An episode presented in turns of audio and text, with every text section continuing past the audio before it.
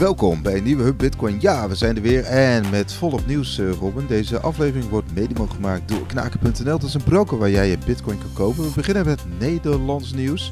Ja, Lightbit is ook een broker uit uh, Nederland en die uh, heeft nu een licentie in Oostenrijk, Robin. Ja. op, ja, op weg naar Europese expansie, zou je kunnen zeggen. Ja, dat zei de directeur Olivier van Duin zelf ook. Dat is een beetje oh. wat je wat je ziet uh, in de industrie, dat de partijen die al wat langer bestaan en dus bepaalde budgetten hebben, dat die uh, gaan proberen ook andere markten te veroveren. Want als je in Nederland wel een bepaald plekje hebt ingenomen, lijkt het voor de hand te liggen om ook binnen Europa het nog een keer te proberen. En Lightbit ja. uh, gaat dat ook doen.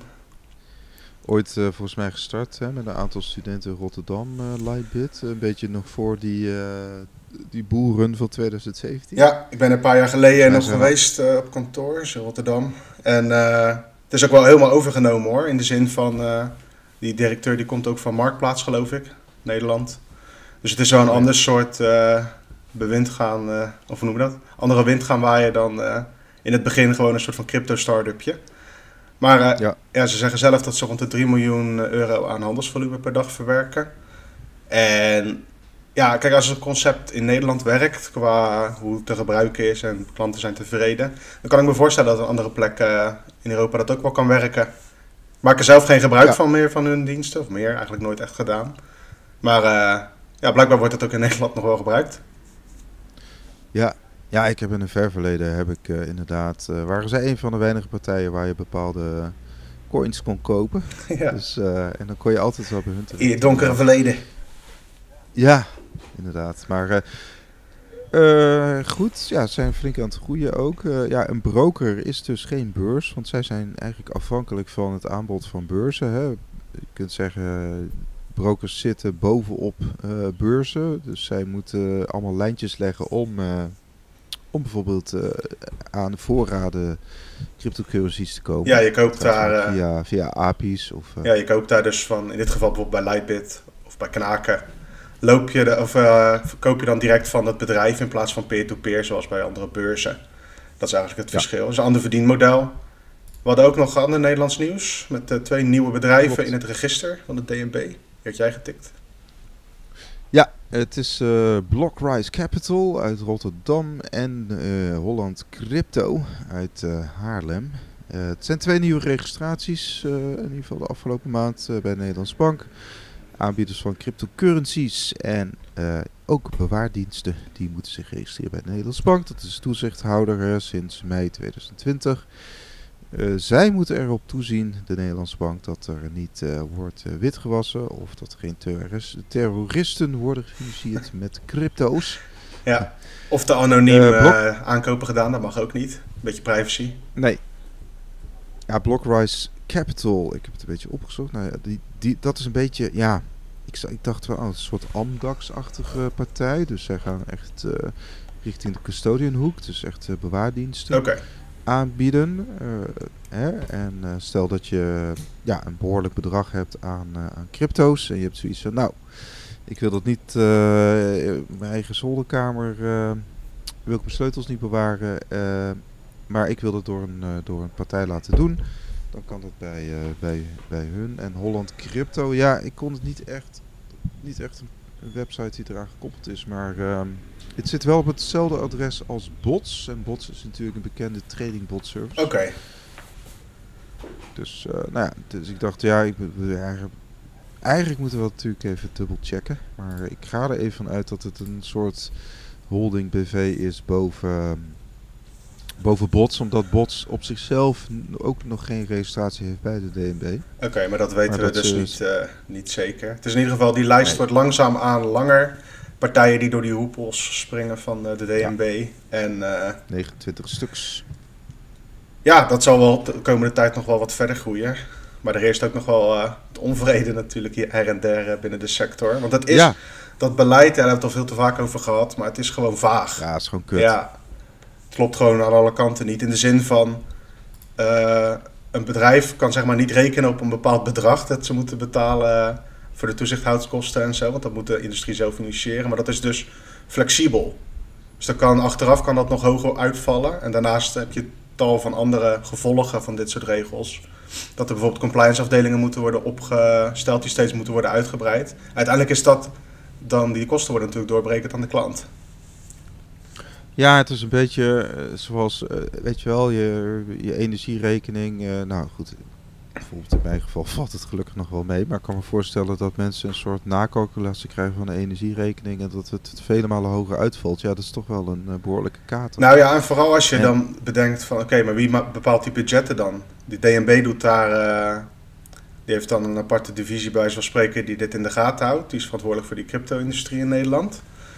Uh, die maken kosten en die kosten worden dan verhaald op de industrie. Maar die kosten worden gemaakt door degene die ook bepaalt hoe hoog die kosten zijn.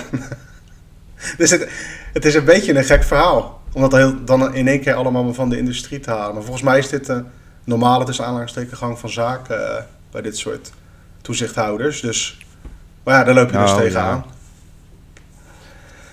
Ja, nou ja, dit, dit, tast natuurlijk wel gewoon de uh, vertrouwen in de overheid aan. Hè? En uh, de, Simon Lelyveld had uh, ook daar een interessant draadje over. Nogal uitgebreide draad was dat. Mm -hmm.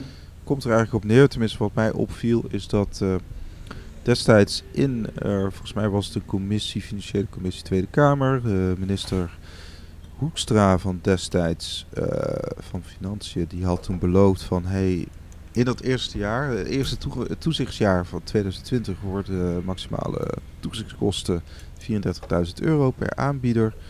Nou, in de praktijk is dat dus uitgemond in een, uh, in een kostenpost van uh, 150.000 euro Jemig. per aanbieder. Ja. Dus ja, hij zegt terecht ook van ja, Hoekstra heeft toen ook gelogen, want hij heeft toen destijds beloofd in ieder geval dat dat niet uit de hand zou lopen en dat het die 34.000 niet zou overschrijden. Nou, dat is dus wel overschreden. En nou ja, en hij is, heeft dus ook gekeken van, nou ja, uh, wat voor meldingen zijn er eigenlijk gedaan? Hè? Want we, hebben dit allemaal opgetu uh, opgetuigd. Hoe zeg je dat? Ja, we hebben het allemaal opgetuigd. En uh, wat is nou eigenlijk de effectiviteit van die wet? Ja. Het schijnt, schijnt dat er dan, ja, uit mijn hoofd drie of vier echte meldingen of dat er echt, uh, nee, moet ik anders zeggen, echt handhavings, uh, handhavend is opgetreden. Hè, naar aanleiding van meldingen, moet ik zeggen. Oké. Waarschijnlijk wordt er wel heel veel gemeld, maar heel weinig gehandhaafd door de DNB. Ja. Dus ja, dan, en dan kan ik me voorstellen dat je aanbieder ook hebt van uh, waar, waar, gaat, waar, waar gaat dat geld dan heen? Want ja. weet je wel, we hebben wel 29 aanbieders die anderhalve ton uh, moeten aftikken. Ja, wat gebeurt er dan mee? Wat is, uh, wat is de kostenbatenanalyse? En daar gaat eigenlijk, daar wringt meestal de schoen bij dit soort dingen van. Die, uh, dat perspectief van kosten en baten ligt natuurlijk per partij anders. Als jij verantwoordelijk bent voor het controleren van geldstromen, ja, dan heb je een andere kostenbatenanalyse dan als je als klant gewoon even wat bitcoin wil kopen in plaats van, joh, jij bent houden op te moeten geven. Het zijn twee compleet verschillende werelden. Ja, dat hè, voor de eindgebruiker is het ook gewoon heel nadelig. Maar uh, weet je wel, als je toezichtskosten dus uh, gewoon 14, 15 miljoen per jaar zijn. Ja. Waar, is dat dan voor drie, vier mannetjes uh, die dan op die af... Waar, gaat dat geld Ja, ik kan me voorstellen dat er onder andere al die processen kosten natuurlijk geld. Van al die applicaties moeten worden doorgenomen. En daarnaast zullen er inderdaad ook heel veel dingen worden opgepakt waar uiteindelijk niks mee gedaan wordt. Of wat niet interessant was om uh, achteraf om dat te volgen. Dus ja, ik kan me voorstellen, het is niet het gewenste resultaat om het zo maar te zeggen. Als het doel is boeven pakken, dat er maar uh, vier boeven te pakken zijn per jaar. Want dat zou betekenen dat, er, dat die maatregelen wel heel erg buiten proportie zijn. Wat ik ook vind trouwens. Ja, het lijkt me gewoon echt een heel, heel duur proces. Ja. Het lijkt me eh, echt absurd duur uh, toezicht uh, wat, uh, waar we het hier over hebben. Ja. En dat wordt eigenlijk, en waarschijnlijk is dat al jarenlang zo, alleen door de cryptosector wordt dit eigenlijk nog, nog meer duidelijk dat, dat, dat we in Nederland een soort waterhoofd aan het creëren zijn voor, uh, ja, voor dit soort voor financieel toezicht. Ja. En een, uh, nou, wat je, door uh, dat je Bitcoin volgt, kom je eigenlijk door dit soort onderwerpen kom je daardoor tegen. Ik was hiervoor was ik helemaal niet bezig met, met dit soort dingen. Maar ik kan me voorstellen dat in andere industrieën het net zo gaat. Of het nou over de boeren gaat of whatever. Iedereen is, dus je hebt maar weinig sectoren waarschijnlijk die uh, heel tevreden zijn met hun toezichthouder, laat ik het zo zeggen. Tegelijkertijd, nou ja, kan ook bijna niet. Je creëert, uh, je creëert heel veel bullshitbanen mee, Rob. Ja. ja. misschien hebben wij ook wel een bullshitbaan. Oh, dat zou heel goed kunnen. Maar Ja. Maar je, ja, je creëert gewoon heel veel banen die eigenlijk weinig produceren, Ja. kun je zeggen. eh, die wel heel veel geld kosten. Ja, ik, eh, er is altijd zo'n verhaal dat je denkt van, eh, is dit nou de juiste oplossing? Je, je hoopt er gewoon op dat er een eh, situatie ontstaat dat het aantrekkelijk wordt om juist te investeren in en juist te proberen groter te maken, die industrie in Nederland. Nou ja, zo, je kunt ook zeggen, joh, kunnen die toezichtkosten niet de helft? Nou, dan hou je een, pot van 7 miljoen over. En zou je die 7 miljoen niet kunnen steken in eh start-ups of zo? Ja, seed rounds. Ja, Ja, ja de- niet dat je dat nou per se moet willen. Het is meer van, eh, daar lijkt het beleid niet op gestuurd. Het lijkt meer tegenhouden, remmen en het zo goed mogelijk onder controle houden. En volgens mij is dat ook wel een beetje het, het eindspel tussen aanhalingstekens van... eh, eh, als toezichthouder ben je denk ik bij gebaat om gewoon een x aantal bedrijven te hebben die je in de gaten kunt houden. En niet dat er elk, de, elk jaar weet ik het hoeveel bijkomen die ook meedoen. Dus dan straks is er een soort Nee. van... wat je in elke industrie ziet, dat er een x aantal grote spelers zijn die langzaamaan gaan domineren. En daar helpen dit soort regels bij. nee, dat is ook zo. Maar kijk, dat, uiteindelijk weten we ook dat dat een ziek systeem is. Want ehm, kijk, het zorgt dat er heel, eh, dat zie je natuurlijk ook in de bankenwereld, dat er dan een paar overblijven. En dat daarmee eigenlijk de hele innovatie eruit gesloopt wordt. Ja. Hè? En ja, er zijn dan op de duur maar een paar die al dat toezicht maar kunnen, kunnen betalen. En hoeveel, hoeveel Bitcoin Core developers zouden Nederland... Stel dat de Nederlandse staat zegt, nou, wij gaan echt, weet je wel, innovatie, hè, daar hebben we het altijd over. Nou, hoeveel Bitcoin Core developers kun jij eh, aan het werk zetten voor 7 miljoen per jaar? ja, we gaan studenten afleveren die eh, mogelijk bij kunnen dragen aan bitcoin. Ja, ja, nou ja, dan ben je wel innovatief bezig. Hè? Want eh, in zekere zin, je creëert eh, nieuwe kennis. Eh, je gaat wel zeggen, oké, we gaan, het is weliswaar, kun je zeggen, een mogelijk concurrent systeem. Maar ja, eh, we gaan mee met de tijd. Ja, ik zie dat niet En- gebeuren. Ik zie dat dan eerder op Nee. bedrijfsniveau. zie je wel eens. Ik weet niet of in Nederland dat ook gebeurt, maar de cultuur natuurlijk nu is een beetje van. als je groot genoeg bent, heb je ook kleine donaties van tienduizenden dollars naar Bitcoin developers bijvoorbeeld. Dat zie je wel vaak. Nee, kijk, dat gaat ook niet gebeuren. En het is ook een beetje naïef om dat te denken natuurlijk. Ja. Maar eh, Nou, het is meer Dat- wat jij zei van waar kunnen die miljoenen, waar kunnen die miljoenen ook heen? Laat het een Bitcoin denktank Ja. zijn. maar goed, ja. we kunnen wel even Inderdaad. stapje maken naar de bankenwereld. Doe Er is maar. een eh, Nederlandse bank eh, failliet verklaard. Ja, gelukkig, wij zijn daar geen klant. De Nederlandse bank? Nee, een, eh, een Oh. Nederlandse bank. De, Een. Ja, Amsterdam Trade Bank, ATB in het kort. Eh, de Britse en Amerikaanse sancties richting, de, richting Rusland hebben er blijkbaar indirect voor gezorgd dat deze bank op, op termijn eh, ja, kapot gaat of ging. En hij is nu dus failliet verklaard. Mhm. Het is een dochteronderneming van de Russische bank Alpha Bank. En in de praktijk komt dat erop neer dat als jij daar heel veel geld hebt staan, dat dat gewoon weg is. Tot een eh, bedrag van eh, 100.000 euro wordt het vergoed door een, eh, dat heet het Nederlandse dep depositogarantiestelsel. Dat krijg je dan eh, terug, maar alles daarboven is in principe gewoon poef weg. Lekker Scrabblewoord. Ja, goed Scrabble woord inderdaad, ja. Wel veel klinkers. Ja. Oké, 23.000 particuliere rekeninghouders. Die zijn feitelijk te dupe, want eh, je krijgt eh 1 ton krijg je vergoed uit dat stelsel. Maar stel je hebt 2 ton spaargeld, ja, dan ga je voor 1 ton de boot in. Dan ben je gewoon, dat ben je gewoon kwijt. Ja, dus, kun je gelijk de koppeling maken met Bitcoin. Van, eh, Bitcoin kun je ook kwijtraken door jezelf of als je het bij een bedrijf laat staan die er niet goed mee omgaat of zelf failliet gaat.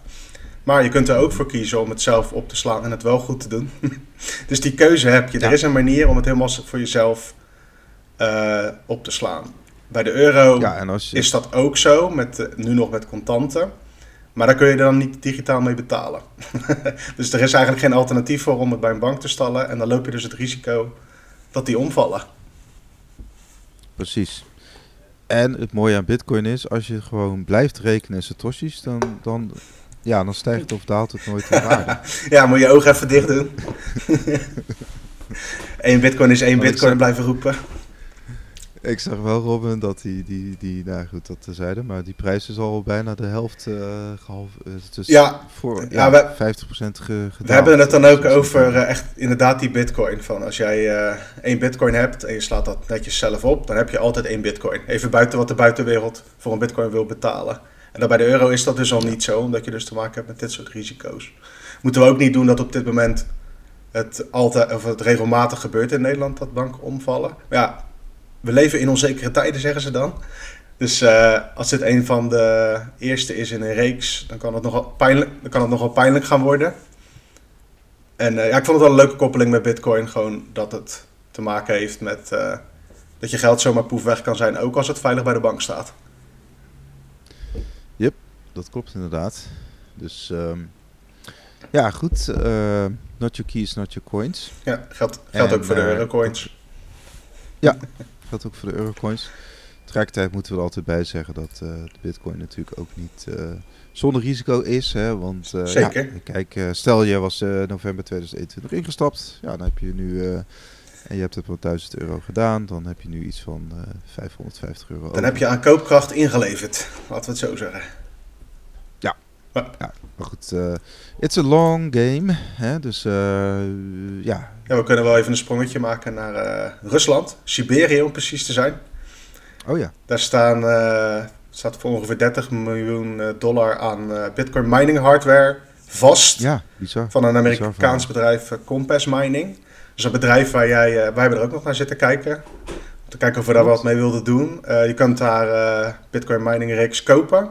En zij installeren ze hem dan voor je in datacentra. Een van die datacentra stond in Siberië. Het is daar lekker koud, waarschijnlijk. En, uh, of waarschijnlijk, het is daar lekker koud. Het helpt met koelen. En uh, de energie zal wel mhm. goedkoop zijn.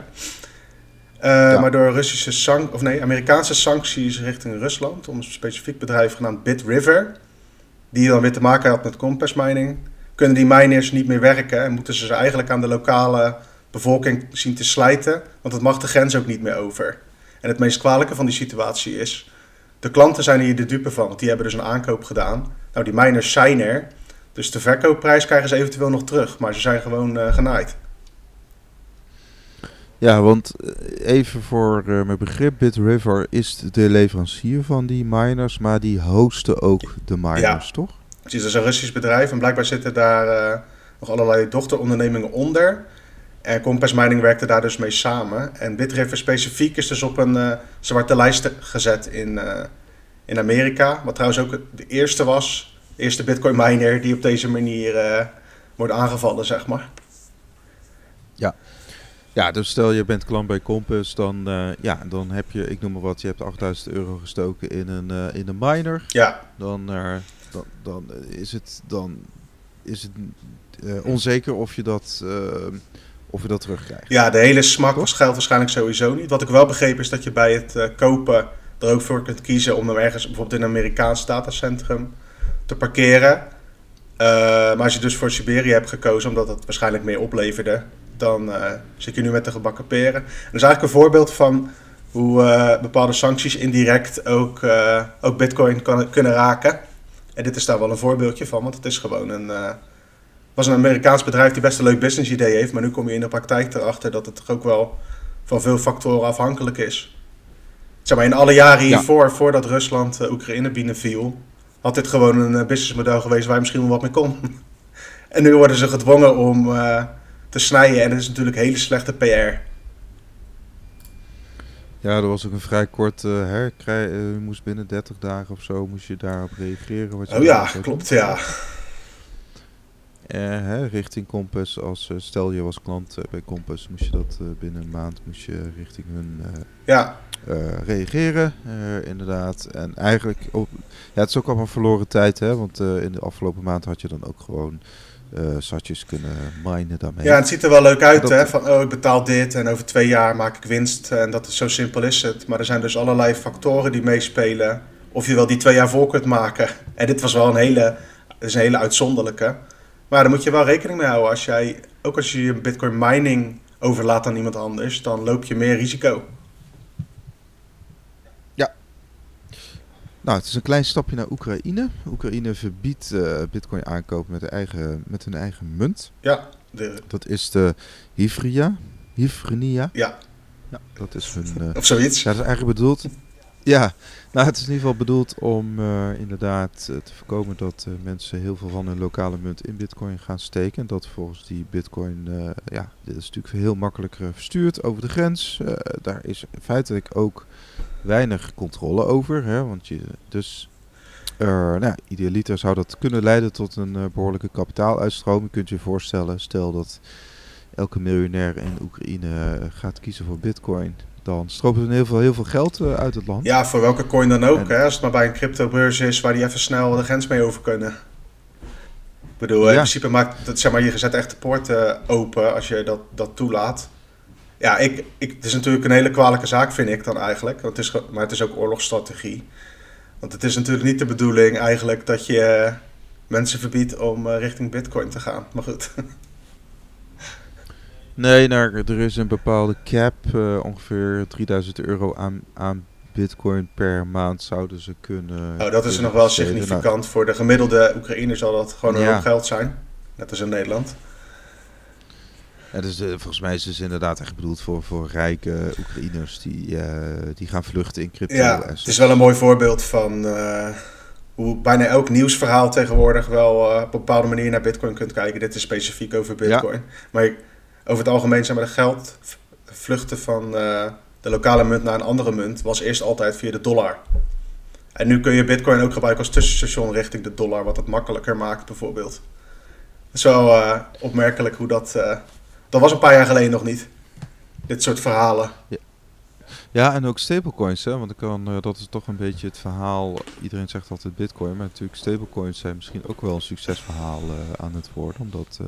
Ja, die worden ook veel gebruikt. Alleen die hebben hele andere hoe noem je dat, kwaliteiten, veel andere pluspunten dan bitcoin natuurlijk. Ja. ja, bitcoin is heel veel pluspunten. Ja, dus, maar het lost niet alles op. Zo is het ook. Nee, inderdaad. We hadden ook nog een anti-bitcoiner die sprak met de Europese Commissie over elektriciteitsgebruik. Ja, dat ging over uh, intern uh, e-mailverkeer binnen de Europese mm. Unie, binnen de Europese Commissie.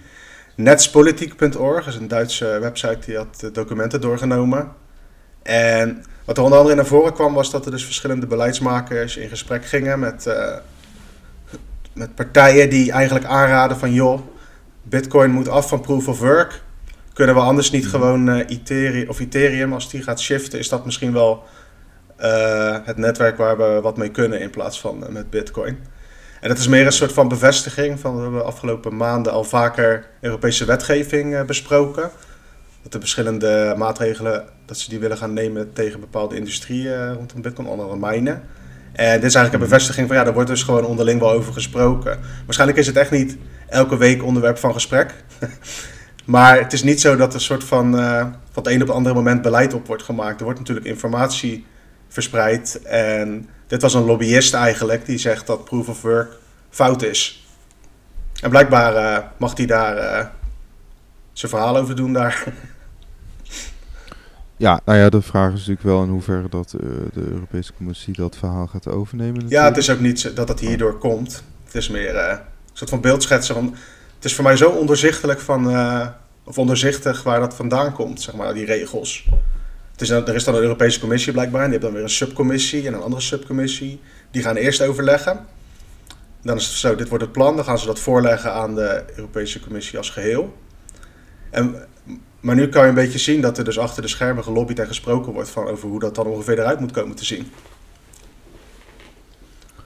Ja, nou ja, kijk, we kunnen met een beetje fantasie ook wel een beetje invullen welke kant het op gaat.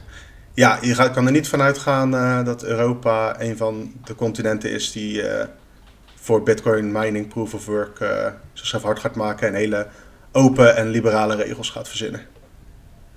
Nee, nee. Nee, alles wijst er wel op dat, dat proof of work dan, ja, dat, dat mag niet. Dat is, ja, dat, dat, dat is schadelijk, schadelijk. En of het er nou doorkomt of niet, het is wel een, voorlopig hangt dat gewoon boven de markt. Dus waarom zou je in godsnaam gaan investeren in die infrastructuur in Europa? Ja. Dan ben jij gek. je hebt in Noorwegen en in andere Scandinavische landen nogal van die initiatieven En her en der zou je het ook op het wat andere deel van het continent wel hebben. Maar je zal het niet zo zien als in Texas bijvoorbeeld. Dan is dat natuurlijk ook een slecht voorbeeld, omdat dat een hele energierijke staat is, maar toch. Ja, wat, wat, wat denk jij? Dat, dat, uh, hoe, ja, hoe gaat dat eigenlijk verder? Want het blijft uh, een terugkerend uh, discussiepunt. Nou ja, er zijn eigenlijk twee dingen. Hè, van die, je hebt het soort van het, dat ze het consensusmechanisme eigenlijk willen aanpassen. Dus dat proof of work weg mhm. moet naar proof of stake. Nou, iedereen staat vrij om een voorstel te schrijven van een nieuwe code. En dan is het aan het netwerk om dat, die code ook te gaan draaien, die nieuwe versie en zo. Nou, als je daar een mooi werelds idee van verzint en je lost allerlei problemen op die daarmee zijn nou, waarom niet? Stel maar voor. Er gaat niks uitkomen, maar dat is eigenlijk uh, het eerste ding wat ze zouden kunnen willen doen. Dat gaat niet. En daarnaast heb je dus het hele beleid rondom uh, energiegebruik, ESG, weet ik hoe je het allemaal wil noemen. En dat hangt hier heel erg boven. Van Bitcoin heeft nou eenmaal nu voorlopig die sticker van uh, het is slecht voor het klimaat, whatever dat dan ook betekent. En daar wordt ook gewoon mee, mee doorgegaan, ook vanuit beleid. Het is niet zo dat daar dat beleid van de Europese Unie is er niet op gericht om de energiemarkt helemaal open te gooien en iedereen mag alles gebruiken. Dus die hebben andere plannen daarmee. Dus bitcoin mining gaat niet, uh, geen prominente rol spelen vanuit die kant. Heel misschien dat de energiebedrijven in Europa wel erop gaan happen, maar dat geloof ik ook niet. Nee. Nee, nou ja, goed, kijk, we kunnen dan ook wel aangeven van uh, er zijn ook binnen de community uh, is er ook een, uh, een gedachtenstroom zeg maar die inderdaad wel het klimaatprobleem erkent. Hè? Bijvoorbeeld Nick Carter die geeft het ook aan. Die erkent van nou er is een probleem met het klimaat, daar moeten we iets aan doen. En vanuit die kant, terwijl tegelijkertijd ziet hij niet dat Bitcoin schadelijk is voor het klimaat. Hè? Dus het is zijn eigenlijk en hij ziet ook wel dat daar uh, bepaalde, um, ja, noem je dat? Uh, dus hij moedigt, of, of de groep, uh, zo'n segment in de community moedigt ook, zeg maar, ja, uiteraard duurzame energie aan of meer gebruik van duurzame energie. hebben ook aangetoond dat Bitcoin mining juist een prikkel geeft om bijvoorbeeld meer zonne- en windenergie te gaan gebruiken en nieuwe windparken ja. aan te leggen en, en ook uh, juist minder code te gebruiken. Ja. Dus daar, daar er is wel een bepaalde uh, stroming in, uh, zeg maar. Die, ehm, want soms wordt, wordt de community ook een beetje neergezet van ja, goed. we kijken puur naar de goedkoopste stroom en maakt niet uit waar, wat de bron is van die stroom. Dus ik nou precies een voorbeeld van wat eigenlijk bullshit is dat dat op Europees niveau beslist moet worden. Want het is juist per zeg maar, gebied afhankelijk van hoe die energiemix en zo in elkaar steekt. Mm Klopt. Dus zeg maar, stel dat je ervoor pleit dat het allemaal op met een bepaald stickertje moet, of het nou groen noemt of uh, zuinig, weet ik veel. Uh, zelfs dat kan dan niet op die manier, omdat er bepaalde incentives niet kloppen. Nou, je hebt binnen Europa ook al heel veel uh, verschillen. Hè? Want bijvoorbeeld Frankrijk heeft heel veel kernenergie. Die hebben heel veel kerncentrales, voor wel oudere kerncentrales. Ja. Nou, Denemarken heeft natuurlijk heel veel windparken bijvoorbeeld. En Duitsland heeft veel zonne-energie ja, over het algemeen. Die energiemarkt is sowieso nog een rabbit hole. Als je, je hebt ook nog niet zo erg goed beeld van hoor. Want je hebt daar natuurlijk gewoon je hebt de grid of de, het netwerk zeg maar met uh, stroom. Maar daarbovenop mm. zit gewoon nog allerlei van die financiële incentives. Dat je ja. energie daar en daar kunt kopen voor in de toekomst. En weet ik het allemaal voor, voor een premium of juist een mindere prijs als iemand daarmee akkoord gaat enzovoorts. Futures, weet ik het allemaal voor gekkigheid. En dat soort spelletjes spelen hier natuurlijk ook mee. Daar, daar heb ik gewoon geen inzicht in. De energiemarkt is ook, zeker nu, is denk ik machtiger dan in een heel lange tijd. Ja, nee, inderdaad. Dus het is. Um, en in Amerika zie je. uh, sorry, in Amerika. De productie en de. Hm, in, ja, in Amerika zie je dus dat die energiebedrijven op relatief kleine schaal, maar je ziet het wel steeds meer. Uh, Bitcoin gaan minen om te kijken of dat uh, winstgevend voor hen is, of dat rendabeler is dan hoe ze nu hun, uh, hun flow hebben, zeg maar. Nou, ik kan me voorstellen als dat daar werkt, dat er ook binnen Europa best wel energiebedrijven zijn die daarmee aan de slag willen. Alleen op dit moment is het ook gewoon simpelweg geen goede PR. Je scoort er geen punten mee nu. Ja, bij ons. nee, maar ja. Ik denk ook altijd dat er, bepaald, er is een bepaald energieaanbod. Nou, stel dat, ik noem maar wat, stel je komt in een situatie dat, dat er toch stagflatie optreedt, dus economische recessie in combinatie met hoge inflatie en waardoor ook de energievraag vermindert. Uh, en stel dat, dat, dat je dan toch nog wel een vraag hebt vanuit bitcoin miners. Waarom zou je dat dan als energiebedrijf niet gaan doen? Ja, de discussie is, moet je het dus willen dat uh, energiebedrijven een, altijd een koper hebben van hun energie? Dat is dan het bitcoin netwerk, even voor het gemak. Nou, volgens mij lijkt me dat best, best handig voor sommige bedrijven. Ja, en dat, dat is een beetje de valkuil van Europa ook. Dat ze dus uh, vooraf allerlei sectoren maar gaan uitsluiten. Terwijl misschien heb je die in de toekomst wel nodig hè, voor, voor je energieproductie. Ja. Uh, en en dat, dat is juist, ja, dat denk ik dat dat juist niet, niet handig is. Dat je dat vooraf allemaal een bepaald stickertje op gaat plakken. Bepaalde, er zit bepaalde politiek achter, klimaatpolitiek. Maar ja, de vraag is of dat uh, inderdaad de juiste. Wat ik er wel van begreep is, dat die tegengeluiden ook vooral vanuit Scandinavië bijvoorbeeld komen.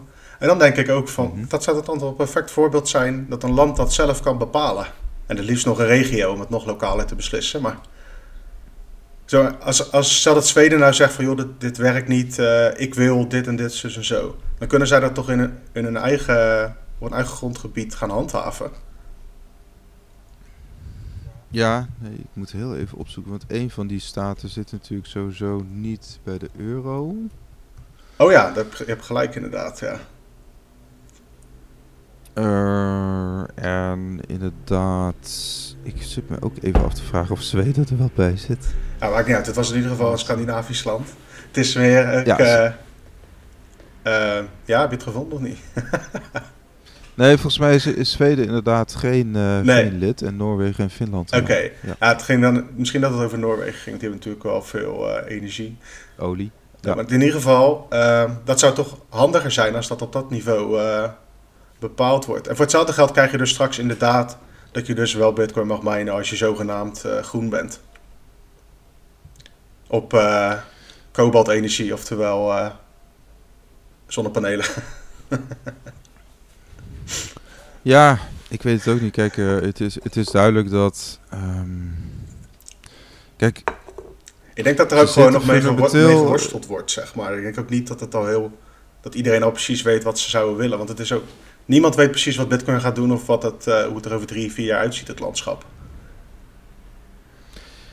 Nee, maar kijk, het is, het is ook weer zo dat die centrale banken, hè, die hebben natuurlijk ook wel iets anders aan hun hoofd op dit moment. En, uh, ja. En uh, dus ik, ik, ik vraag me ook af van in hoeverre, um, zeg maar, wat, nou ja, het kan ook zijn dat het hele uh, klimaatverhaal wordt toch waarschijnlijk meer naar de achtergrond gedrukt, omdat, omdat centrale banken, de Europese centrale bank ook, die hebben natuurlijk andere, andere zaken aan hun hoofd. Ze zitten nu gewoon met inflatie. Uh, hè, en eventueel economische krimp uh, zitten ze. Um, ze hebben eigenlijk geen kant om op te gaan. Hè, ze, kunnen, ze kunnen eigenlijk geen strakker monetair beleid uh, gaan voeren. Nee. Want dat zou inderdaad overheden en bedrijven gewoon in een faillissement doen belanden. Ja, je zou bijna zeggen van bemoei je met je eigen zaken. Maar blijkbaar is bitcoin ook een zaak. Dat is een beetje het probleem.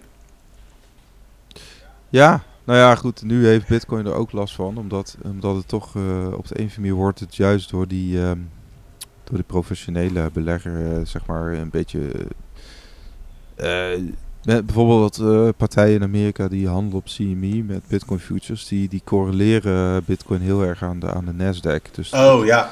ja je hebt, en daardoor, daar heeft Bitcoin er gewoon last van nu. Ja, is prijs. ook wel logisch, want het is natuurlijk nu ook.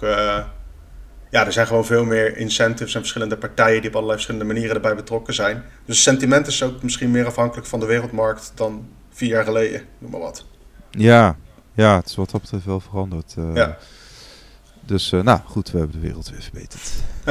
Waar waren we? Laten we nog een paar korte nieuwtjes doen. Maar dan opmerkelijk uh, van Forbes.mc, dat is blijkbaar Forbes en dan in Monaco.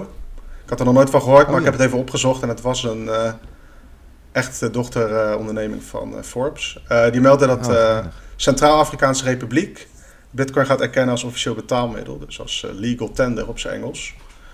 Ja. Dus, hoe ik het begreep, is dat een beetje te vergelijken met hoe dat in El Salvador is gegaan. Maar uh, de Centraal-Afrikaanse Republiek is een van de armste landen ter wereld. Uh, burgeroorlogen vaak. In uh, El Salvador hebben ze het vooral gebruikt ook een beetje marketing. Hè, van, als toerisme trekker en dat soort zaken. Dat zie ik hier niet gebeuren. Ze hebben daar blijkbaar ook een ministerie van digitale economie. En die hebben eigenlijk het voortouw genomen om dit erdoor te krijgen. Dus in feite, uh, wat er gebeurt is dat Bitcoin uh, naast de nationale munt, of welke dat dan ook is, dat heb ik even niet uitgezocht, uh, komt te staan als officieel betaalmiddel. Ja, maar geldt het niet zeg maar voor heel de asset-categorie cryptocurrencies? of zijn, specifiek Bitcoin? Zij melden Bitcoin zelf. Okay. First African country adopts Bitcoin currency. Er letterlijk. Ja. Alleen wat er vaak gebeurt is dat andere... Uh, ja, wij maken er een sport van om zoveel mogelijk bitcoin te zeggen. En andere nieuwsplatformen gebruiken vaak een... Uh, juist andersom, op zoveel mogelijk crypto. dus... Ja. Uh, bitcoin komt echt als officiële currency te staan. En ik kan me voorstellen... Er zijn dus ook cryptocurrency regulations. Whatever dat dan betekent. En dat zal wel meer voor die algemene industrie, voor zover die er is, gelden. En ik heb, niet, ik heb een beetje even snel zitten googlen en zo. En dit is ook zo'n land waar mensen eerder een mobiele telefoon hebben dan een bankrekening. Ja. Dus het zou, nou ja, kijk, zou, zou kunnen helpen bij ze. Huge. Ja. Ja. Kijk, uh, dat is ook pas over een paar jaar. Hè, want uh, dan heb je allerlei vragen van... oké, maar wie beheert die bitcoin dan en zo. In een land dat vaak in een burgeroorlog verkeert... kan dat misschien ook nog wel eens wisselen. En dan wordt het misschien wel zo wel uitgegeven aan, uh, weet ik veel wat. Maar het is wel een nou, dingetje. Ja, kijk, in, in, mm. Ik vond het wel opmerkelijk. Nou, in El, El, Salvador heeft de overheid best wel een dominante rol natuurlijk. Mensen krijgen gewoon een overheidswallet. Daar kunnen ja. ze bitcoin mee ontvangen, mee versturen. Al, uh, ze hè, voorzien het hele MKB van zo'n uh, wallet.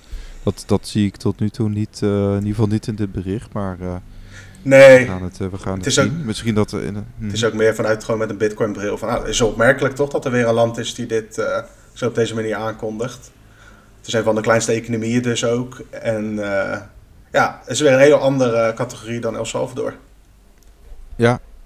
Ja, waarschijnlijk ook een land, maar goed, dat is even invullen, die ook last heeft van inflatie, die ook heel veel last heeft van uh, de dollar natuurlijk. Dus waarschijnlijk is hun munt ook gekoppeld aan de dollar. Ja, dat soort Dus ongeheim. ze, zijn, dus, uh, ja, dus, ze zijn gewoon afhankelijk van Amerikaans beleid. Ja, dus ik verwacht dat dat ook meer zit in een soort van stap naar digitale infrastructuur en zo dan uh, zoals El Salvador het veel meer aankleedt ook als uh, campagnes en zo.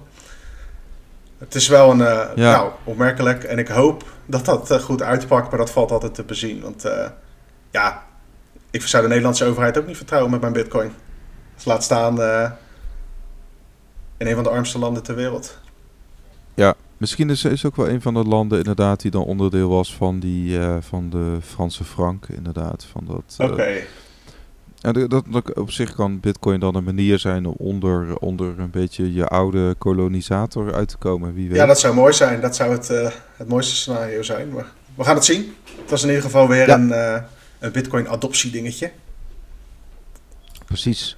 Eh, we hadden ook nog eh, Binance. Binance deelde persoonsgegevens met een Russisch overheidsbureau. Dat eh kopte eh, persbureau Reuters. Opmerkelijk bericht natuurlijk. Dat wil je als beurs en als klant van een beurs wil je dat ook absoluut niet. Dat jouw ja, gegevens met, met allerlei inlichtingen en overheidsdiensten worden, worden eh, gedeeld. Eh, achteraf, eh, Binance heeft eh, volgens mij op de dag, dezelfde dag, de dag daarna, hebben ze vrij snel gereageerd van hey, dit is pertinente onzin. Ja, Dus het is een beetje, een beetje schimmig. een eh, beetje wel eens niet dus. Maar wat ik er eigenlijk Ja. uit... Want het ging onder andere over eh Alexei Navalny. En dat is natuurlijk een politieke opponent van eh, Vladimir Poetin. Ja. Eh, ja, dat is natuurlijk een goede blikvanger om het verhaal aan te kleden. En ja, Binance ontkent dus eigenlijk dat ze extra stappen hebben genomen om extra dingen te melden aan eh, de FSB bijvoorbeeld. Dus opvolger van de KGB, geheime dienst eh, gebeuren. Ehm, en wat ik eigenlijk een beetje tussen de regels doorlas in de reactie is van ja, wij houden ons gewoon aan de lokale regels. Dus net als in Nederland, in Rusland en in Amerika eh, deel je gewoon de gegevens die de overheid vraagt. Want anders ben je als bedrijf aan de beurt. en ja, ik kan me voorstellen dat er op termijn verzoeken zijn gedaan naar alle Russische klanten van Binance, bij wijze van spreken. En misschien zat zo'n geval niet al wel tussen. Dat is speculaas, maar dat is hoe ik het een beetje, een beetje las. Dus Binance geeft aan, we hebben niks extra's gedaan. In de zin van, wij hebben niet samengewerkt met de geheime diensten om politieke opponenten op te sporen, dan wel van hun geld afhandig te maken. Maar dat is hun woord tegen Reuters, zeg maar. Het is een beetje een grijs gebied, hè? Uh, hoe, hoe, is dat gegaan? Stel dat inderdaad de Russische geheime dienst of de, een andere opsporingdienst vanuit Rusland heeft gezegd: hé, hey, we willen een lijstje met, met ja, alle klanten uit Rusland. dus dan stel dat Binance inderdaad die lijst heeft verstrekt. Ja. Dan, ja, dan kun je zeggen, oké, hebben ze meegeholpen aan het onderzoek? Ja, eigenlijk wel. Want als beurs kun je ook zeggen van... Uh, Zoek het uit. Het zou kunnen, ja. We willen dat pertinent niet. In de praktijk uh, zijn er maar weinig die dat doen. Ja, nee, dat is ook weer zo. Dus uh, ja, in die zin is het ook, uh, kun je zeggen, als je dan een persona non grata bent in een land, dan ga absoluut niet naar Binance of ze, naar een andere Ja, sowieso waar je jezelf moet identificeren. Ik bedoel, je kan op zijn minst hoddelhoddel.com eens even checken. Kan je peer-to-peer -peer, aan de slag. Ja, dat, dat zijn dingen ook. Ja, het is net als bij, bij zo'n bank, je stort daar je geld. Het kan zijn dat het op wat voor manier dan ook, als je aan de verkeerde kant komt te staan van de mensen die erover gaan, dat het wordt afgepakt. En dat geldt voor Zeker ook bij beurzen. Kijk, bij Binance is het natuurlijk ook nog zo dat als je het dan daar hebt gekocht en het weer af hebt gehaald, dat dat ook te zien is. Dus het gaat zeg maar nog. Ze kunnen die geldstroom daarna ook nog volgen als ze er niet zorgvuldig mee om zijn gegaan. Dus het is wel het is een, eh, een kwalijke zaak, maar tegelijkertijd. Uh, dus bedrijven worden ook gedwongen om te doen. Want Binance is wel een voorbeeld van. Ja, ik heb er helemaal niks mee dat ze alles deden wat uh, de cryptogoden verboden hadden. Overal zaten ze in. En uh, ja, nu beginnen ze langzaamaan wel mee te werken. Want anders dan krijgen zij op een gegeven moment ook problemen, denk ik. Als ze die niet al hebben, hoor. Ja. Ja, op zich, de dissidenten zoals Navalny, je zou bijna zeggen... joh, je, je gunt ze een paar, uh, je gunt ze een paar uh, IT security mensen of zo, die, uh, die bijvoorbeeld ervoor zorgen dat, dat hij zijn eigen bitcoin heel makkelijk kan Ja, uh, misschien heeft hij dat ook wel. Hè? Kijk, hetzelfde geld is er ook niks uitgekomen uit die request als er al gedaan is. Het is ook allemaal een beetje gissen. Maar als hij het via Binance zijn zaakjes heeft geregeld, dan, uh, ja, dan kun je er vergif op innemen dat het op termijn bij mensen terechtkomt waar je het liever niet hebt. En dat geldt voor bijna elk bedrijf binnen bitcoin directeur van Trezor die had ook uh, nog uh, wat uh, opmerkingen over het verbieden van non-custodial bitcoin wallets. Ja. dat is natuurlijk de Europese richtlijn. Europa, een paar weken geleden is er een, twee belangrijke commissies binnen de Europese Unie hebben gestemd voor het, het ja, registratie van alle transacties, ook naar non-custodial um, wallets. Uh, dat moet in de praktijk natuurlijk altijd nog maar eventjes uh, zo uitkomen. Maar goed, um, Stefan uh, Uerik van Satoshi Labs, dat is het bedrijf achter de Trezor Hardware Wallet, zegt dat het hoogst onwaarschijnlijk is dat alle landen in de hele wereld het gebruik van non-custodial wallets gaan verbieden. Ja. Oh, en nou ja, dat is natuurlijk ook zo, want hè, uh, feitelijk kunnen wij met z'n tweeën besluiten, Rob en wij sturen elkaar gewoon uh, transacties. Dan staat dat wel zwaar op de blockchain, maar we zijn nergens geïdentificeerd. Ja, nou, uh, ja, kijk, als ik mijn bitcoin gewoon gekocht heb ergens waar ik dat van tevoren al heb geïdentificeerd, dan, ik bedoel, het is, het is al een kunst om bitcoin helemaal, pri helemaal privé te gebruiken natuurlijk. Als je ook, bij wijze van spreken, geheime diensten ervoor wil blijven als ze het op je gemunt zouden hebben. Mhm. Het is niet zo dat het een garantie is als je naar elkaar even wat stuurt, dat het dan altijd uh, privé blijft. Maar het is wel zo mhm. dat het bijna niet te handhaven is, inderdaad. Want het Bitcoin-netwerk staat er gewoon. Dus wij kunnen dat gewoon doen, tenzij er dus een soort van uh, net rondom het uh, Nederla Nederlandse internet komt. dat je dat niet zou kunnen, zeg maar net als de Great Firewall of China. Maar dat, dat zit er op dit moment gelukkig nog net niet in. Nee. Dus ja, het is, het is inderdaad, ik, denk het ook niet dat het uh, geblokkeerd kan worden. Maar ze gaan natuurlijk eigenlijk bij de deur, voordat je de deur uitgaat bij zo'n beurs of broker, al die gegevens opvragen. En daar gaat, het denk, daar gaat denk ik die, uh, de moeilijkheid in zitten om het dan nog naar zo'n ding te krijgen.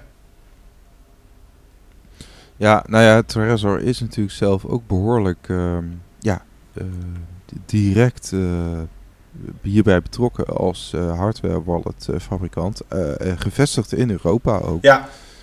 Nou, het zou betekenen dat ja, zij waarschijnlijk ook nieuwe software moeten maken om, al die, om dat allemaal te laten registreren. Het zou gek zijn als zij in één keer zouden zeggen, ja, die hardware wallets zijn toch onzin. Ja. dat kan ook niet. Dus op zich is het wel een logisch antwoord. Maar het is wel, ja, dit soort uitwerk, kijk, als je, als je daar zorgen over moet maken of je, uh, of je, dit, of je dit soort hardware oplossingen wel mag aanbieden in Europa. Ja, wederom is niet goed voor de business hier. Nee, nee, nee, nee inderdaad. Het is, uh, ja, het is, ik, je mist ook een bepaalde, um, hoe noemen we dat? Um, er worden allerlei regels opgetuigd, maar er wordt nooit echt uh, inzicht gegeven. Wat is nou eigenlijk de scope? Hè? De, wat, wat, wat is nou eigenlijk de schaal van het aantal transacties van unhosted wallets? Ja, of een keertje wat schrappen ja, misschien om te kijken wat er gebeurt als je het iets vrijer laat. dat lijkt nooit een optie. Ja. Nee, nee, nee. En ook nooit echt bewijs van, nou ja, dit, dit gebeurt er nu wel mee. Maar het is altijd, uh, nee, zoveel mogelijk regels opstellen als een soort preventiemuur. Ja. En ja, het creëert natuurlijk heel veel, ja, heel veel administratieve romslomp voor iedereen. Klopt. Dat, uh, ja. laten we hopen dat aan het eind van de rit het niet zo is dat er in de praktijk uh, identiteitsplicht bij elke peer-to-peer transactie binnen Europa komt uh, rondom Bitcoin. Maar ja, als je zo tussen de, of de regels op dit moment, hoe die ervoor liggen, kan het wel die kant op gaan. Niet de bedoeling, maar we zijn daar wel. Nou ja, je ziet overal dat die reguleringsbudgetten natuurlijk uh, behoorlijk uh, groeien richting Bitcoin. Dat zien we ook in Engeland. Ja. Uh, Groot-Brittannië, om precies te zijn, de Britse centrale bank maakt 420 miljoen dollar vrij om Bitcoin in de gaten te houden. Ja, dat is een budget voor tot februari 2023. Dus een jaartje, zeg maar. Zo, bizar. Ja. Ja. Gaat dan naar de Prudential Regulation Authority. En ja, die hebben eigenlijk de taak om de industrie in de gaten te houden. Dus wij beheren de centrale bank, de Nederlandse centrale bank, die de registratie doet. En eigenlijk ook toezichthouder is op die regels.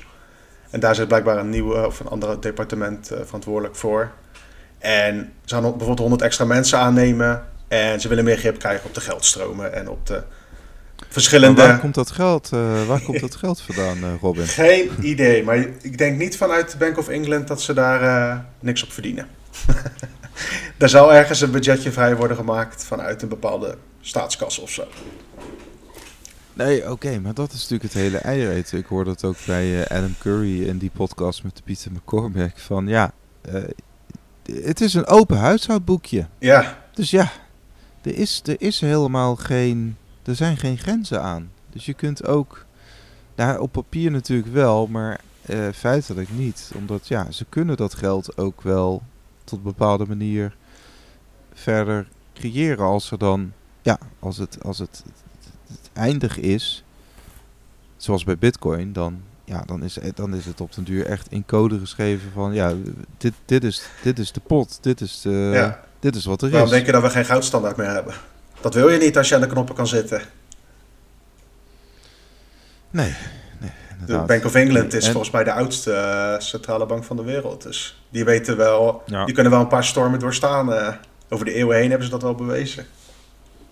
Ja, nou ja, wat je dus gaat krijgen is dat, dat, dat centrale banken waarschijnlijk gaan zeggen van... Uh, ja, we zetten gewoon een, een streep door deze schulden. Deze schulden bestaan niet meer bij, per deze. Ja, ja, laten we daar ons niet aan wagen. Maar zulke dingen, ja, dat gaan we wel krijgen, ja. En ja, uiteindelijk, dat is het is toch wel bizar als je erover nadenkt van... Uh, ik denk dat bijvoorbeeld Satoshi of uh, Hal Finney, die natuurlijk is overleden...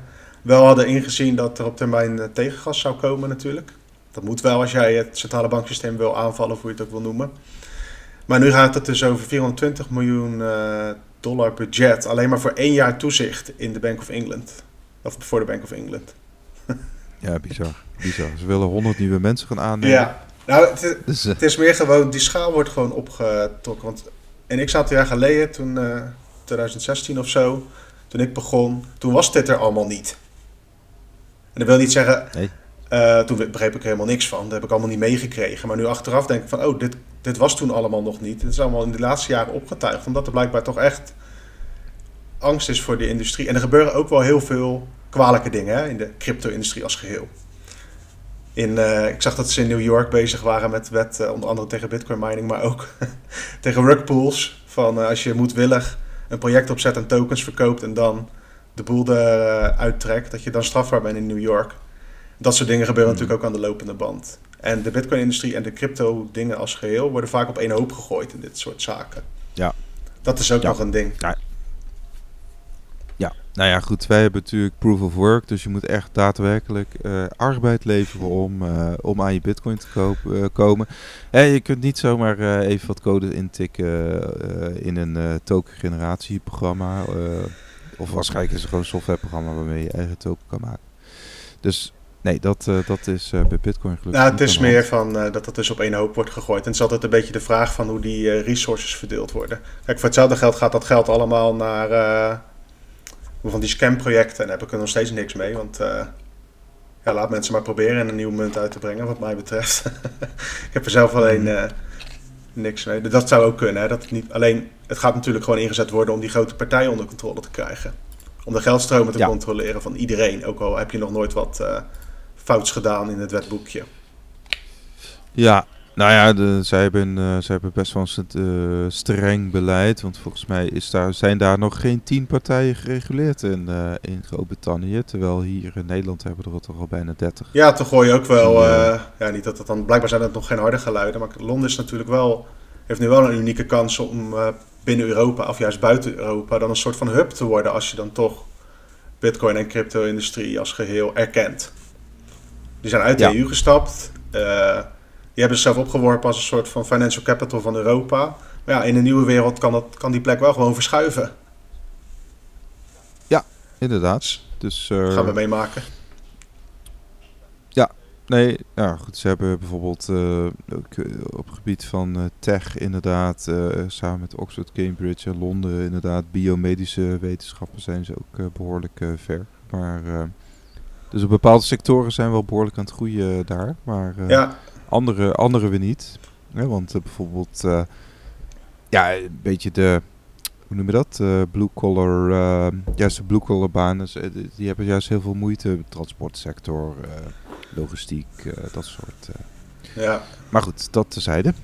Ehm, dan hadden we nog Coinbase, die 3,2 miljard dollar op op BTC Turk, uh, dat is een Turkse, volgens mij de grootste Turkse bitcoinbeurs uh, van, uh, van Turkije. En ja, Turkije is, is ook wel een interessant land. Hoge inflatie. Binance kwam onlangs ook met de 24 uur klantenservice in Turkije. En ja, goed, de Turken die hebben natuurlijk gewoon last van inflatie. Dus dat spaargeld wordt minder waard. En ja, uiteraard vluchten ze dan naar bitcoin. Nou, het zou eerder de dollar zijn, denk ik, via beurzen, maar goed. Ja, inderdaad. Nou ja, goed. Uh, maar je hebt natuurlijk denk ik ook gewoon wel uh, handelsparen met Ja, uh, er wordt wel, ge, wordt, klopt. En ja, dus gewoon zo'n voorbeeld. Coinbase is natuurlijk enige crypto-beurs of crypto-platform, hoe je het ook noemen wil. in Amerika die beurs genoteerd is nog op dit moment. Aandelen gaan niet zo lekker, maar er is blijkbaar nog wel budget dan wel leningen gevonden om 3,2 miljard dollar neer te leggen voor de grootste beurs van Turkije. En dat ga je ook wel zien nu, hè. Dat, Coinbase is ook gewoon een geldmachine. Die kunnen uh, wereldwijd hun targets uitkiezen. Ja, maar inderdaad, 3,2 miljard voor een Turkse bitcoinbeurs. Ja, dat hadden wij een paar jaar geleden ook niet gedacht, Robin. Nee, dus het is, je zag ook uh, bij, wel best bizar. Je zag bij Binance uh, dat er ongeveer 7% van alle bezoeken aan Binance.com uit Turkije kwam. Bijvoorbeeld. Nou, dat is echt, een, Turkije is een groot land. Veel inwoners. En um, ja, je koopt ook gelijk heel zo'n klantenbestand. Want als zij de grootste zijn van het land. Het is niet alleen dat ze zeggen van we willen je naam hebben natuurlijk. Ze kopen ook heel die, uh, heel die klantentak. En soms gaat het bij deze overnames ook over een bepaald stukje tech maar. Hè? Dat zie je bij die techbedrijven ook. Dat ze eigenlijk gewoon dat bedrijf kopen om één of twee onderdelen. En de rest bouwen ze gewoon langzaam af. Nee, is ook zo. Maar bij dit bedrag heb ik wel zoiets van... Dit, dit is dus echt een soort uh, dotcom-bubbel uh, bewijs van. Ja. Er is blijkbaar nog heel veel geld, uh, ook in de bitcoin-wereld. nou, Coinbase heeft natuurlijk ook veel geld uit de markt aangetrokken. Vanuit investeerders, maar ook vanuit aandeelhouders hè, op, de, op de beurs. Ja, ik kan me zo voorstellen dat Coinbase een bedrijf is... die wel makkelijk aan liquiditeit kan komen voor dit soort overnames. Ja, dus, uh, dus uh, nou, ja. opmerkelijk. we gaan het blijven zien. Inderdaad, nou ja, goed, het is een beetje kabbelend. Hè. We zien het ook een beetje aan de, aan de koers natuurlijk, uh, de, de, handelsvolumes. Dus een beetje kabbelende, kabbelende lente tot nu toe. Maar goed, uh, desalniettemin uh, ga naar bitcoinmagazine.nl voor het laatste nieuws. Of ga naar onze socials, Telegram, Facebook, Twitter. YouTube, YouTube. niet te vergeten.